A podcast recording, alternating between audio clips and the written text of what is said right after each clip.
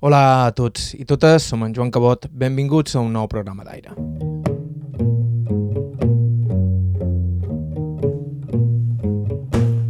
Darrerament hem fet uns quants viatges a Sant Llorenç d'Escardassà, algun d'ells debades, però en tots ells mos han topat amb bona gent i curiosament han fet quasi totes les entrevistes en un mateix carrer, separades per una distància de pocs cents de metres. Avui, precisament, escoltarem la darrera de totes elles, una dona que ha fet de tot. Ha estat modista, i ha tingut una tenda, però sobretot és coneguda en el poble per haver participat en el grup de teatre. Ella és Francisca Sureda Duran, de malnom Francisca Racona, filla de jornalers, però algú que sempre va sentir inclinació per la música i el teatre. Impulsora de ximbombades i prou estimada del poble com per passar-se cada dia, ara que ja és major, anant de casa en casa entre els veïnats, a veure la televisió o fer un poc de tertúlia. Si no és a casa seva, toca la casa del costat, tothom es coneix si fa no fa els seus horaris. Ella serà la protagonista del nostre programa d'avui, el primer de dos que passaran pel seu barri. Estau escoltant Aire, a IB3 Ràdio, us parla Joan Cabot. Començam.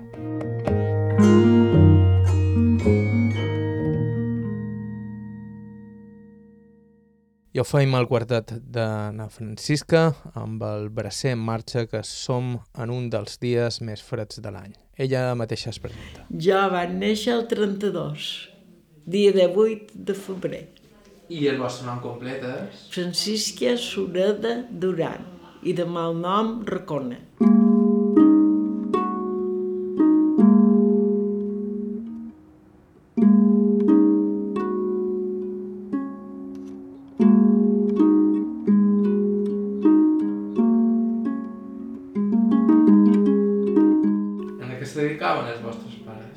pares? Anaven a jornal, tots dos. Ma mare a la que li sortia i brodava també. Llavors en aquell temps el brodar anava a davant de Sant Llorenç, era una cosa molt bona. I mon pare a la que li sortia, tal dia era anar a fer de pitja pedrer, com anar a fer de conredor, i llavors en aquell temps també anàvem molt a treure rebassons i les s'enduen a vendre a Manacor, en els rebassons. Perquè llavors no hi havia ni butano ni, ni res, feien foc en terra. I mon pare feia el que li sortia, quan no tenia una cosa feia l'altra. Sempre varen fer feina i varen... Sabeu que eren molt faners perquè varen comprar, varen, quan se varen casar, se varen casar en les mans de Montescap, no tenien res. Després varen comprar dues corterades, varen fer aquesta casa, després compraren un solar aquí baix i després en compraren un a Xillot. I tot això s'ho varen guanyar ells, perquè no... d'hervells, no tenien res de res. Però jo també vaig ser filla única fins que vaig tenir 10 anys i, i tenint un, només una nina, ells podien, podien avorrar molt. I després aquestes corterades, quan varen començar a fer mal·les, les duien molt de dobbes. El bessó anava molt ja i les duien molt de dobbes. I de, de, fins que va tenir 10 anys vaig a ser pobila, com diuen e me recorda de moltes de coses, però anava a costura, me'n recorda que mon pare el dia que plovia no anava a fer feina i mon mare brodava i mon pare feia el dinar. I o mare des de la màquina ara posa això, ara posa allò i mon pare feia el dinar. I després el dia que plovia m'acompanyava a escola en Sobraigo, m'acompanyava a escola a coll. I això era la meva infantesa. Jugar, anàvem a jugar, estàvem en el carrer d'Espou, hi havia molt de lots, i llavors en aquell temps podíem, podíem jugar.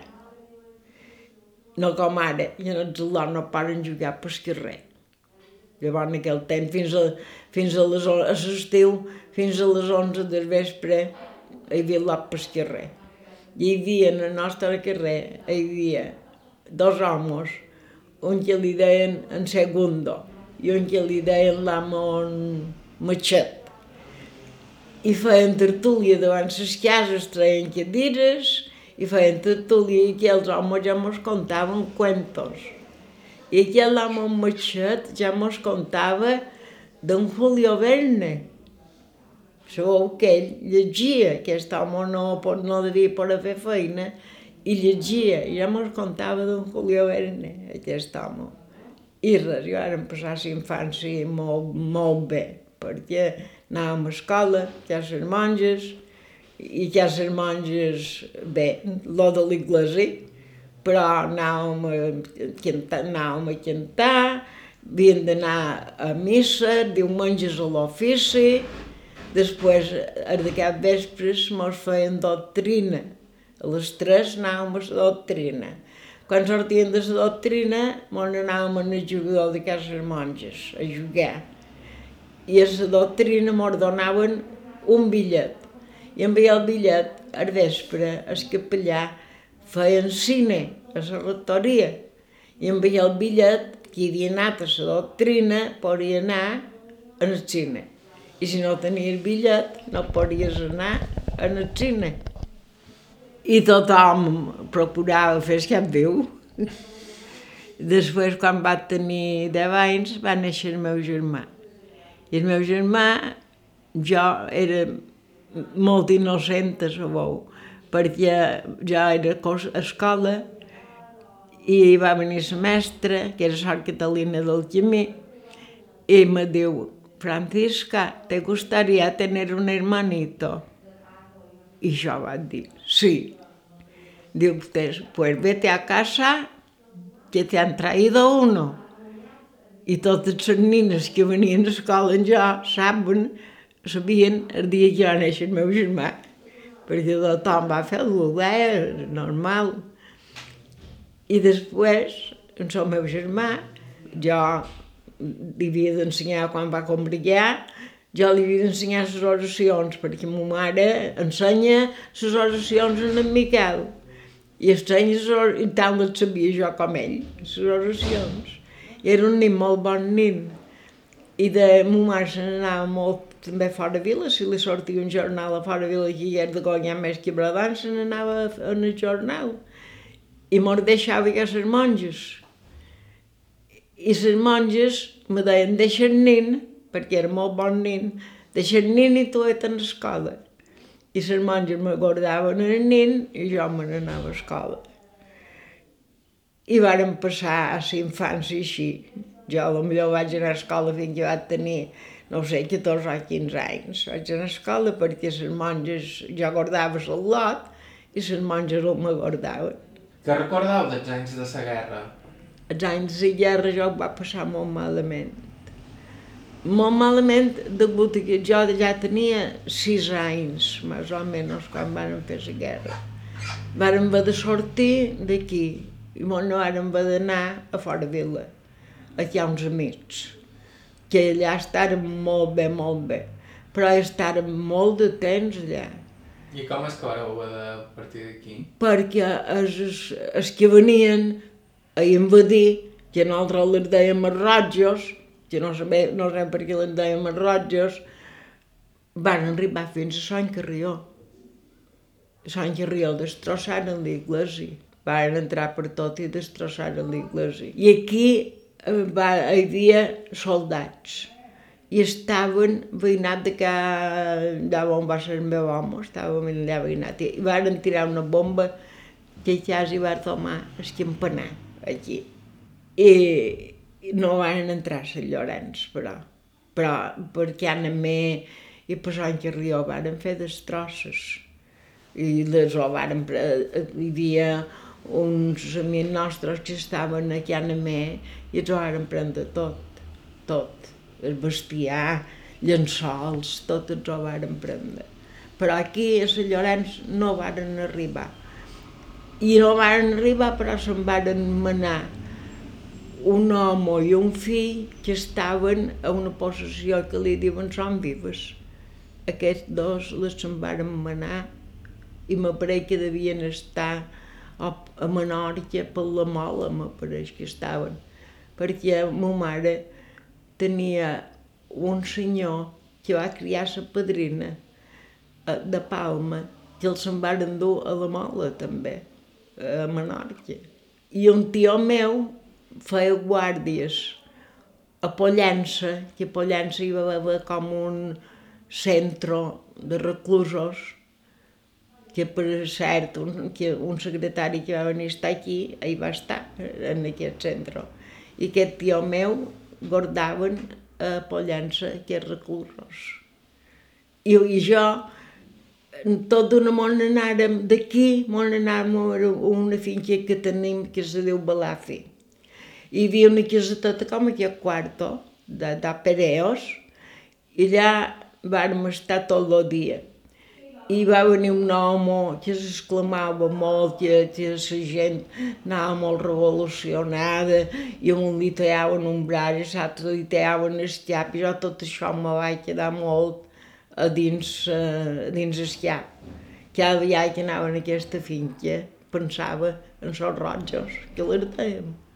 I aquest dia varen dormir nosaltres a les cases grans de Balàfia i llavors, ma mare havia anat anada a coi filles en aquesta possessió que se deia Can Caramany.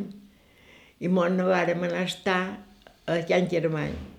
I vàrem estar jo no sé quin temps, fins que un dia coïem mal·les, nosaltres, ma mare ens ajudava a coir mal·les i el que havien de fer. I aquest dia va passar un avió amb una pancarta que deia que la guerra s'havia acabada i després varen poder tornar a venir cap aquí. Però la meva predina, ma mare me contava que la meva predina tenia dos fills joves, que era el tio Toni i el tio Joan. I se'n van d'anar tots dos a la guerra. I la padrina no se'n va anar de la Llorenç. Perquè va dir, diu, jo per no me'n de la Llorenç, això és ben igual d'una serp que mai es cap i deixa la cola i no se'n va valorar mai de Llorenç. Per si els seus fills tornaven. I varen tornar? Sí, varen tornar tots dos. Tots dos varen tornar. I d'això, però allò, jo, quan anava en aquesta finca, tenia una porada perquè després, aquí nostra, ma mare era molt vividora, ma mare era més nerviosa, mon pare era més calmat, Ma mare era molt nerviosa i sembraven xitxeros per covitenres. I sembraven un any a una finca i un any a l'altra finca. I jo, quan sortien d'escola, que només hi havia una temporada que només hi anava mig dia a escola, quan sortia d'escola jo m'havia d'anar a la finca a fer por en el gorrión perquè se menjaven els xitxeros. I jo em va anar allà, tenia una parada. Sempre sempre me'n recordaré. Tenia una parada de, de quilòmetres en els roges.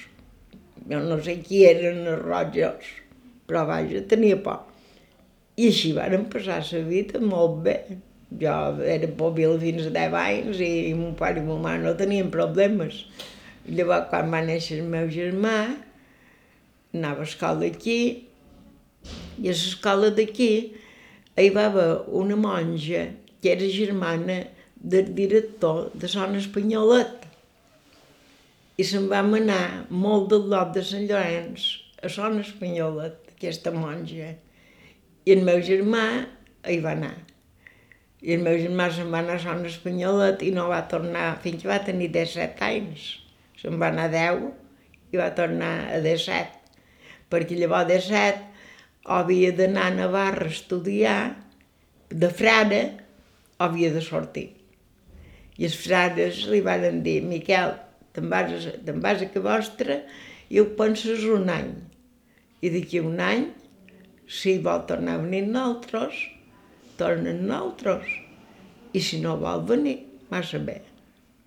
I així ho va fer, no, no se'n va tornar el meu germà. El meu germà ara fa un any que se va morir també m'orgulhaven de 10 anys.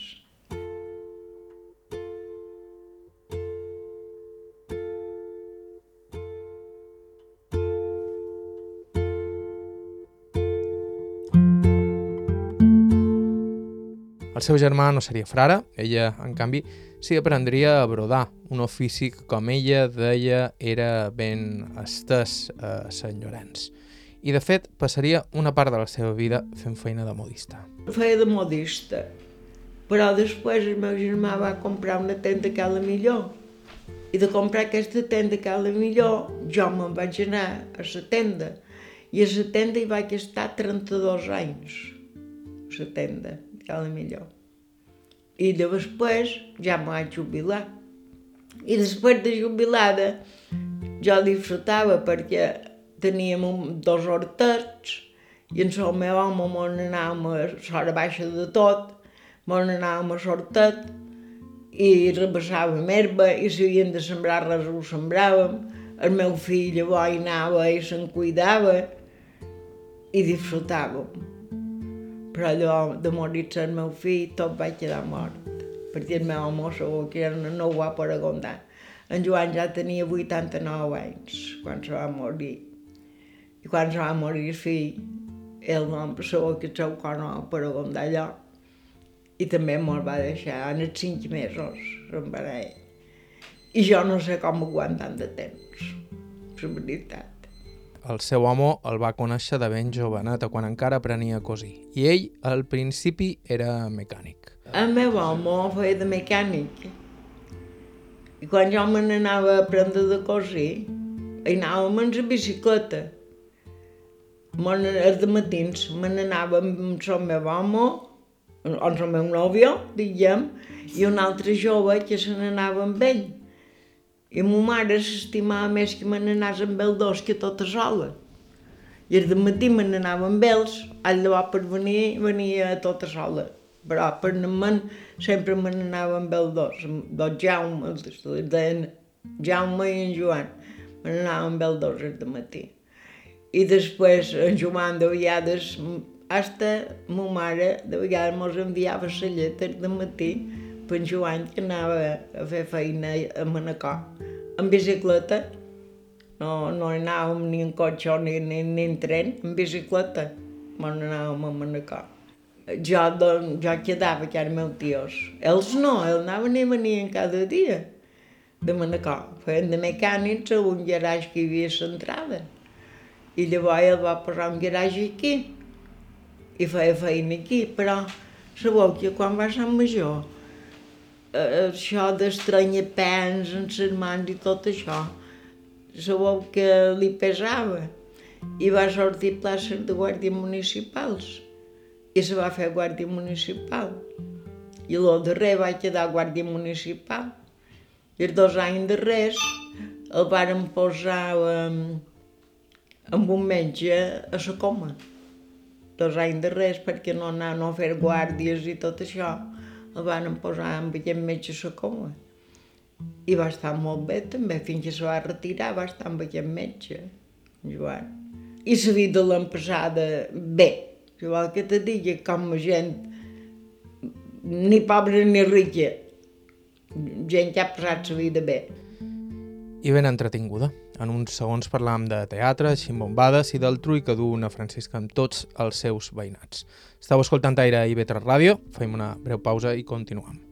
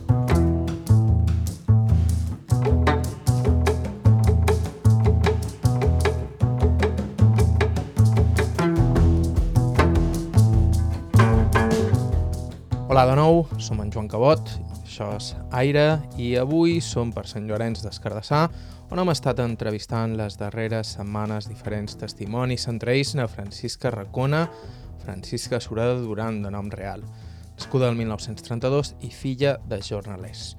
La Francisca va ser pubilla durant quasi 10 anys i amb el temps va ser modista, però a Sant Llorenç sobretot se la coneix per les bauxes que organitzava amb el seu home i pel grup de teatre, un caràcter extravertit que contrasta amb el que ens explicava fa una estona de la seva mare. Com eren de caràcter els vostres pares? No vull que la vostra mare era més moguda. Ma mare era més nerviosa, ma mare era més moguda, mon pare era més calmat. Si ara un dia no estàvem bons, qui m'havia de calmar era mon pare. Ma mare no tenia paciència de seure de vora nosaltres i contemplar-nos, no tenia paciència. Ara mon pare sí, mon pare de vora nosaltres i mos contava i mos contemplava. Però ma mare no, ma mare més nerviosa. I va fer la seva via, perquè ja t'he dit, varen fer aquesta casa i varen comprar dues corterades, després varen comprar un solar aquí baix, varen comprar un solar xillot, varen fer els bombers, varen fer feina, van fer molta de feina. I a vos vos agradava estudiar? No, bé, anàvem ja les monges a escola i quan que llavors tampoc no hi havia graduacions. En aquell temps eren pocs els que tenien graduacions. I, i ni m'agradava ni no m'agradava. Un, un dia sabia... La que m'agradava més era la història. La història m'agradava molt. Ara problemes i tot això no, no m'anava. Però teníem, tenia una amiga i en la amiga les fèiem, i aquesta amiga tenia un germà més gran i meus havia anat a escola també, i va haver doncs, tres mestres, aquí dos, que ensenyaren molt. Un li deien el mestre Cornier, que era de Sant Llorenç, i l'altre Pujades, li deien. I van, aquests dos mestres a Sant Llorenç van ensenyar molt, perquè el meu home m'aconyava de quatre anys, i va anar a escola amb ells i tots els que van anar a escola amb ells se destacaven. Sabien molt, més que nosaltres. Ara jo no, jo vaig anar, vaig anar a escola fins gran, però hi anava també perquè guardava el meu germà i les monges el m'aguardaven. I vaig anar a escola fins, fins gran. A més, mon pare i mon mare no m'havien de menester. Després, ja volia aprendre de cosir, m'agradava molt cosir. I mon pare me va dir, pots anar a aprendre de cosir, però primer has d'aprendre de brodar, perquè el brodar era el que donava, a Llorenç era el que donava la feina en aquell temps. Hi havia homes que feien les feines de la casa, i les dones brodaven. Jo feien les feines de la casa, de lo que guanyaven les dones brodant. I m'ha dit, primer d'aprendre de brodar. Quan sàpigues brodar, després podràs anar a cosir. I ho va fer així. Quan va saber brodar, m'ha dit, ara si vols anar a aprendre de cosir, vaig anar, pots anar a aprendre de cosir. I on en vareu aprendre? Uh, hi havia una modista que li deien a Francisca Sorrilla que cosia i jo vaig anar a aprendre de cosir amb ella. El que llavors ella no me podia ensenyar de tallar. I de tallar va poder anar a aprendre de tallar a Manacor. I tenia un tios a Manacor i estava, i anava els dilluns fins al divendres i estava aquest tios a Manacor, que tenien una nina com jo. I ho passàvem bé dijous anàvem al cine, que al tio li agradava molt el cine, dijous anàvem al cine, i jo, d'edat de 15 anys, ja em va posar a anar amb un jove i vaig anar sempre, sempre, i després no n'he conegut d'altres, sempre he anat en el mateix. Com el vareu conèixer? Aquí feien un passeig per la carretera aquesta d'aquí prop. Feien un passeig de dalt a baix de la carretera i quan eren un ja tornàvem a voltar i els joves mos passejàvem per la carretera. I quan el llum s'apagava, quan ja no hi havia llum per tot, com ara, a la plaça hi havia llum, quan feia fosqueta, mos anàvem a fer dues voltes per la plaça també, i així mos varen conèixer. I jo, de petita, m'agradava molt la música, i tenia, dir que nostre un home que tocava el violí, però de sentit el tocava. Però tenia un amic que anava a tocar la música, i jo m'agradava molt cantar, i sabeu que hi anava. I la Mollorem me va dir, de, en Joan t'ha d'ensenyar de solfa. I aquell home m'ha ensenyat el primer mètode de solfa. Però allò me diu, ara jo no te puc ensenyar pues. Hi havia un home a la nostra carrer que tocava el violí. I vaig, ma mare hi va anar a veure si m'ho volia ensenyar el mètode més gros de solfa i de tocar el violí. I vaig anar a aquest home i m'ensenyava, m'ensenyava bé. Llavors me diu, jo ara no te puc ensenyar pues, has de cercar qualcú que t'ensenyi més. Vaig dir, jo no sé on he d'anar. Diu, a Manacor hi ha un home que n'ensenya. I vaig anar a Manacor, que està a vora la placeta de Sant Jaume. I me'n vaig anar allà i aquell home va dir que sí. Me donava lliçó per tota la setmana i després el diumenge anava a donar la lliçó a aquest home. I feia pillar un duro. I li deien en duro, a aquest home. Jo no l'he conegut per altre nom. Però després ja m'ha posat a cosir tot aquest cuento i ja va haver de deixar anar a una cosa o l'altra. Les dues ja no podien ser. I va haver de deixar anar la música, com és normal. Havia de fer feina. I la música després van començar a fer comèdies, van fer en Joaquín, els primers, i en Joaquín ens va ensenyar el seu home, en Tomeu, i, i no sé qui més, en, en Joan, un home que li deien en Joan Tecles, que tocava el piano molt bé, i nosaltres cantàvem, perquè som, som una quadrilla molt, érem una quadrilla molt grossa, molt grossa, tornaven junts sempre, i feien sopars, i feien ximbombades, i feien de tot. Jo tinc una cotxeria un poc més en fora que aquí, i dins aquesta cotxeria pensa que no hi tenien llum. Duien el llum de carburó, cada qual duia el seu, i fèiem unes festes molt... En Catalina no venien aquestes festes, però nosaltres fèiem unes festes que els al·lots eren petits, i els al·lots jugaven, els pares també venien, i, tot, i varen començar amb les ximbombades perquè hi havia un pare d'una que li agradava molt tocar la guitarra i un altre tocava el guitarró i sabien ballar ja molt bé copeos i jotes i això i varen començar per aquí i llavors va venir les ximbombes i feia, i feia carrosses per a Sant Antoni i tornàvem dins la carrossa i cantàvem i a Manacor ens donaven el premi de la coral, sempre. I sortíem, anàvem per Sant Macià, en les carrosses, per Sant Carrió, per, torn per tornàvem. I llavors van començar les ximbombades, venien els darrers dies, i el meu home feia les ximbombes. O sigui, jo voldria contar les ximbombes que va fer el meu home. Ell no en sonava, però feia les ximbombes, molt ben fetes.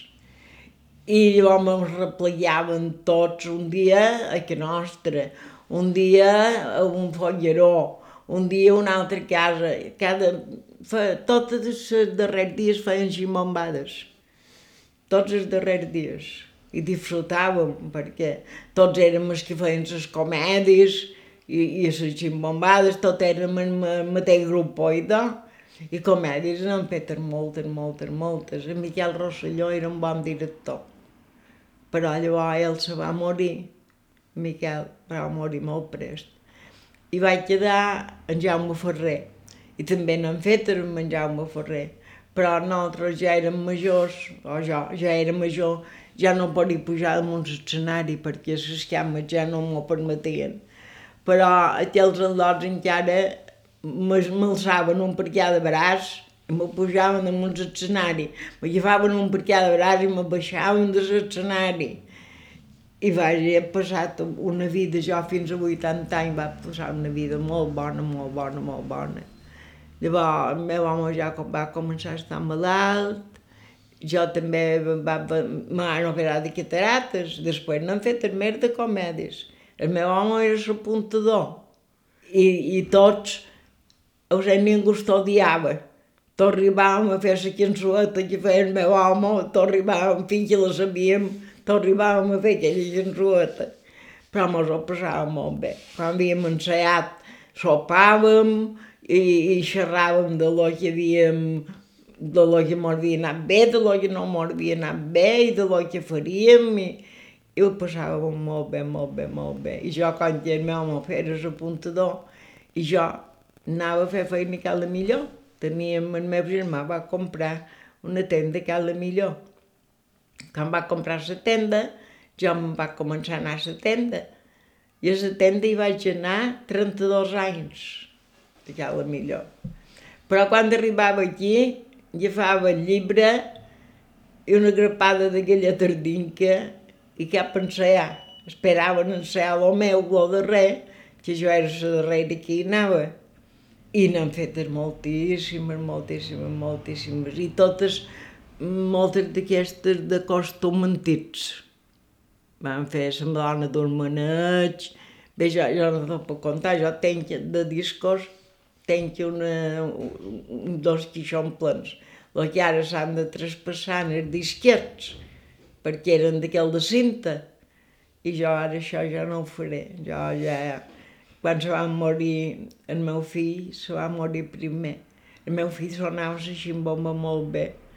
I vàrem fer un disco que se deia La ximbomba encara sona.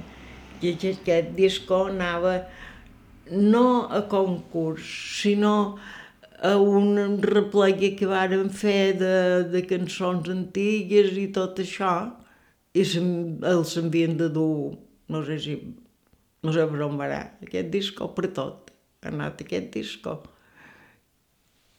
I el meu fill sonava la ximbomba molt bé. El meu fill sona la ximbomba i jo amb un amic meu cantam. La ximbomba encara sona i fèiem ximbombades i bones, i bona torrada, un bon sopar, i no dir res si n'hi havia de gent, disfrutàvem. Però llavors el meu fill se va morir, el meu fill fa set anys que és mort ja, i jo ja no he tingut ganes de fer ximbombades. Llavors va morir el meu home, en cinc mesos se van morir tots dos. I ara, mare em diuen de fer una ximbombada, la teva cotxeria, dic, o oh, si l'heu d'anar fent neta. No sé si voldreu fer bombada ja, però vaja, que ara confien en jo. I ara se'n van endur totes les ximbombarders, les xenandoites, perquè els clavions els feien meu home. I les anaven molt bé no n'han trobat que les vagin tan bé. I ara se'n van endur totes les idees per llevar els clavions i fer i fessin bombes noves. I jo dic, du nos o tot, que jo ni recordo tot això vull tenir.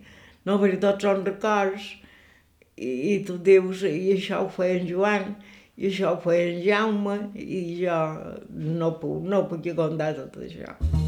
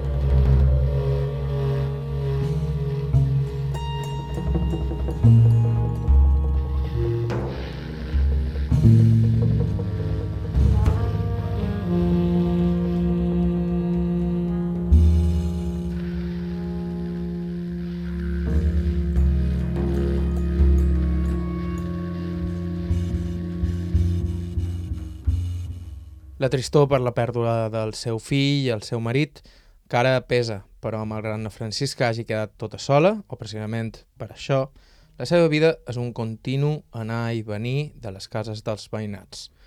Fins al punt que és bastant habitual no trobar-la a casa seva. Per sort, tothom dels voltants es coneix els seus horaris i és fàcil de localitzar. Perquè vaig aquí davant, l'Antònia ha estat ingressada una setmana i vaig a veure l'hora de matins. I després tenc aquí de sa una lota que en té 93 que no se mou d'un sillon i els vespres vaig a veure passar palabra amb ella. I passam fins que hem vist el telediari i anam fent. A de matí me'n vaig a berenances d'aquí davant, que són... A sa mare té 91, i llavors la jove, que està damunt que seva, i fèiem un cafetet i xerram una estona. I llavors ven cap aquí. Me fa que dinar o el que sigui, venen les nines, venen a les onze i mitja, i llavors hem d'anar a comprar i anam, si m'han d'acompanyar a qualque puesto m'acompanyen, i si no mos seim aquí i feim bous aquí al gerro, vàrem fer Papà Noels, ara feim un llibre, i després al vespre me'n vaig aquí de sa, a la Margalida, perquè és que no hi va ningú de tot el dia no xerra, té una, una lota que la cuida, però ella se fica dins el quarto i ella queda tota sola i no xerra ningú de tot el dia. I el vespre hi vaig veure passar palabra i comentam el que trobam, llavors veiem el telediario i també comentam el que trobam, que trobam que el món està molt revuelto, perquè per tot hi ha, per tot hi ha i, i, i Huelga per aquí, i Huelga per allà, i, i tanques per aquí, i tanques per allà, i Maria Lida, això no sé com acabarà. I jo, no ho sé, diu ella, ja ho veurem. I llavors estic fins a les 10 amb ella, i llavors venc aquí. I quan venc aquí he de començar a fer feina. I me'n vaig a dormir quan tens son però d'aviat són la una, d'aviat són les dues, sí. Des de matí? Sí, sí. Qualque dia, qualque dia les dues. Si jo ja fa una feina que dir no, jo l'he d'acabar, home, pensa que no n'hi ha cap de necessari, però quan t'ho fiques dins el cap, a la meva són la una i qualque dia les dues, m'és igual, fins que tens son. El que llavors de matí no m'aixecaria. De matí estic molt bé dins el llit.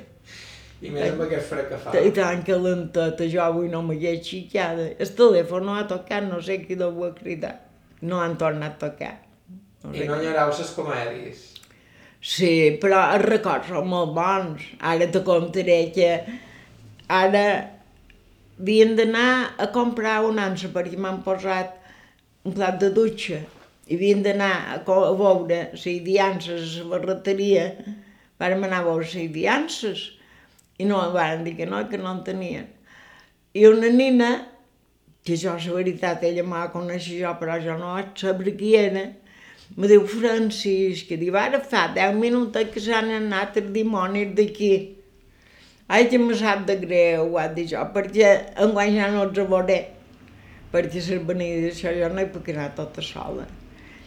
I res que una nina de les que venien diu, ai, diu, avui no he berenat, només he pres un cafè. Dic, idò, per tot està tancat, Can Pedro tancat, eh, allà a Sant Colom tancat. Eren dilluns. Dic, si no anem a casa les bessones, no sé on hem d'anar. Vam anar a casa les bessones i hi va haver dimonis. I no dir res quan me van veure. Ve en José, en Jesús, Diu que no me coneix, diu no, jo no te conec amb aquest capell, perquè vam, ja sobre exposats i som molt joves ara. I ja va cridar dimonis, i ja me tens a, a ballar en sort dimonis, en sort lleato, penso que només puc donar una passa per endavant i una per enrere, però com que tots són amics meus, tots les conec les comèdies, i tots aquests grupos, els que fan si han de fer una festa, la fan aquests grupos. I llavors havíem anat un dia a l'escola, que el me- va venir un mestre, llavors si volia anar a l'escola, que els al·lots me volien fer preguntes. I vaig dir, sí, jo vull venir. I vaig anar. I que els al·lotets tot demanaren el que despareixia. I, i diu, ara hem de gravar això, va dir la mestra. I va dir a un, tu demana. I m'ha dit, diu, ara vos volien demanar a veure si voleu que posin un carrer el vostre nom. Deu dies. I jo vaig dir, jo, jo m'ho crec que no m'ho mereix, però si ho trobeu vosaltres, doncs ho vull. I varen quedar així. I aquests al·lotes també eren els dimonis. I tots varen venir i me'l van fer una foto amb els dimonis, una foto amb les nines que venen a cuidar-me, i, i me cuiden beníssim i jo no he de menester res més. Som tota sola, no? De família no m'ha quedat ningú. Família pròpia, ningú. Perquè tenc la meva cunyada i una neboda. I tenc, de la part de l'home me queden tres cosins. I de la part de meva també, tres cosines. I no tens res pur. Sí que tens la sensació que teniu moltes amigues. Sí, no, amigues sí. Amigues no, no passa cap dia que no em veguin una o dues, una o dues a veure'm. Perquè ni Catalina, quan no té, quan no té missa, ve a xerrar un poc. Perquè xerrar. Jo l'escolt, ella xerra, jo l'escolt.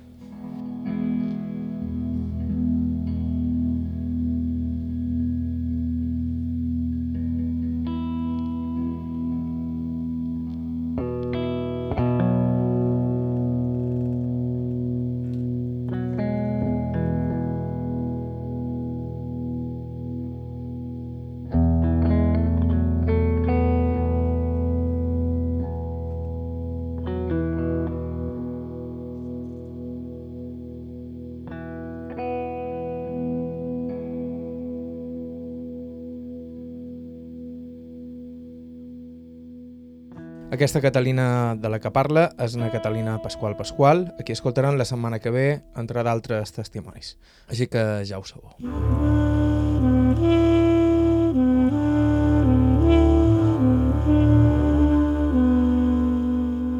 Fins aquí arriba el programa d'avui, tornem la setmana que ve.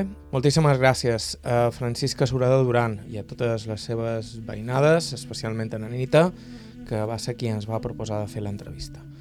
Si voleu fer-nos vosaltres alguna proposta, ens podeu escriure a aire arroba ivetresradio.com aire arroba ivetresradio.com Vos recordam, com sempre, que la millor manera de no perdre's cap episodi és subscriure's al nostre podcast o a qualsevol de les plataformes disponibles i que a ivetres.rg barra carta hi trobareu tot l'arxiu del programa.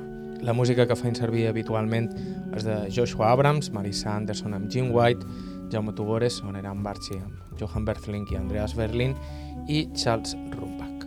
Bàrbara Ferrer, la producció executiva, us ha parlat Joan Cabot, gràcies per ser a l'altre costat i fins la setmana que ve.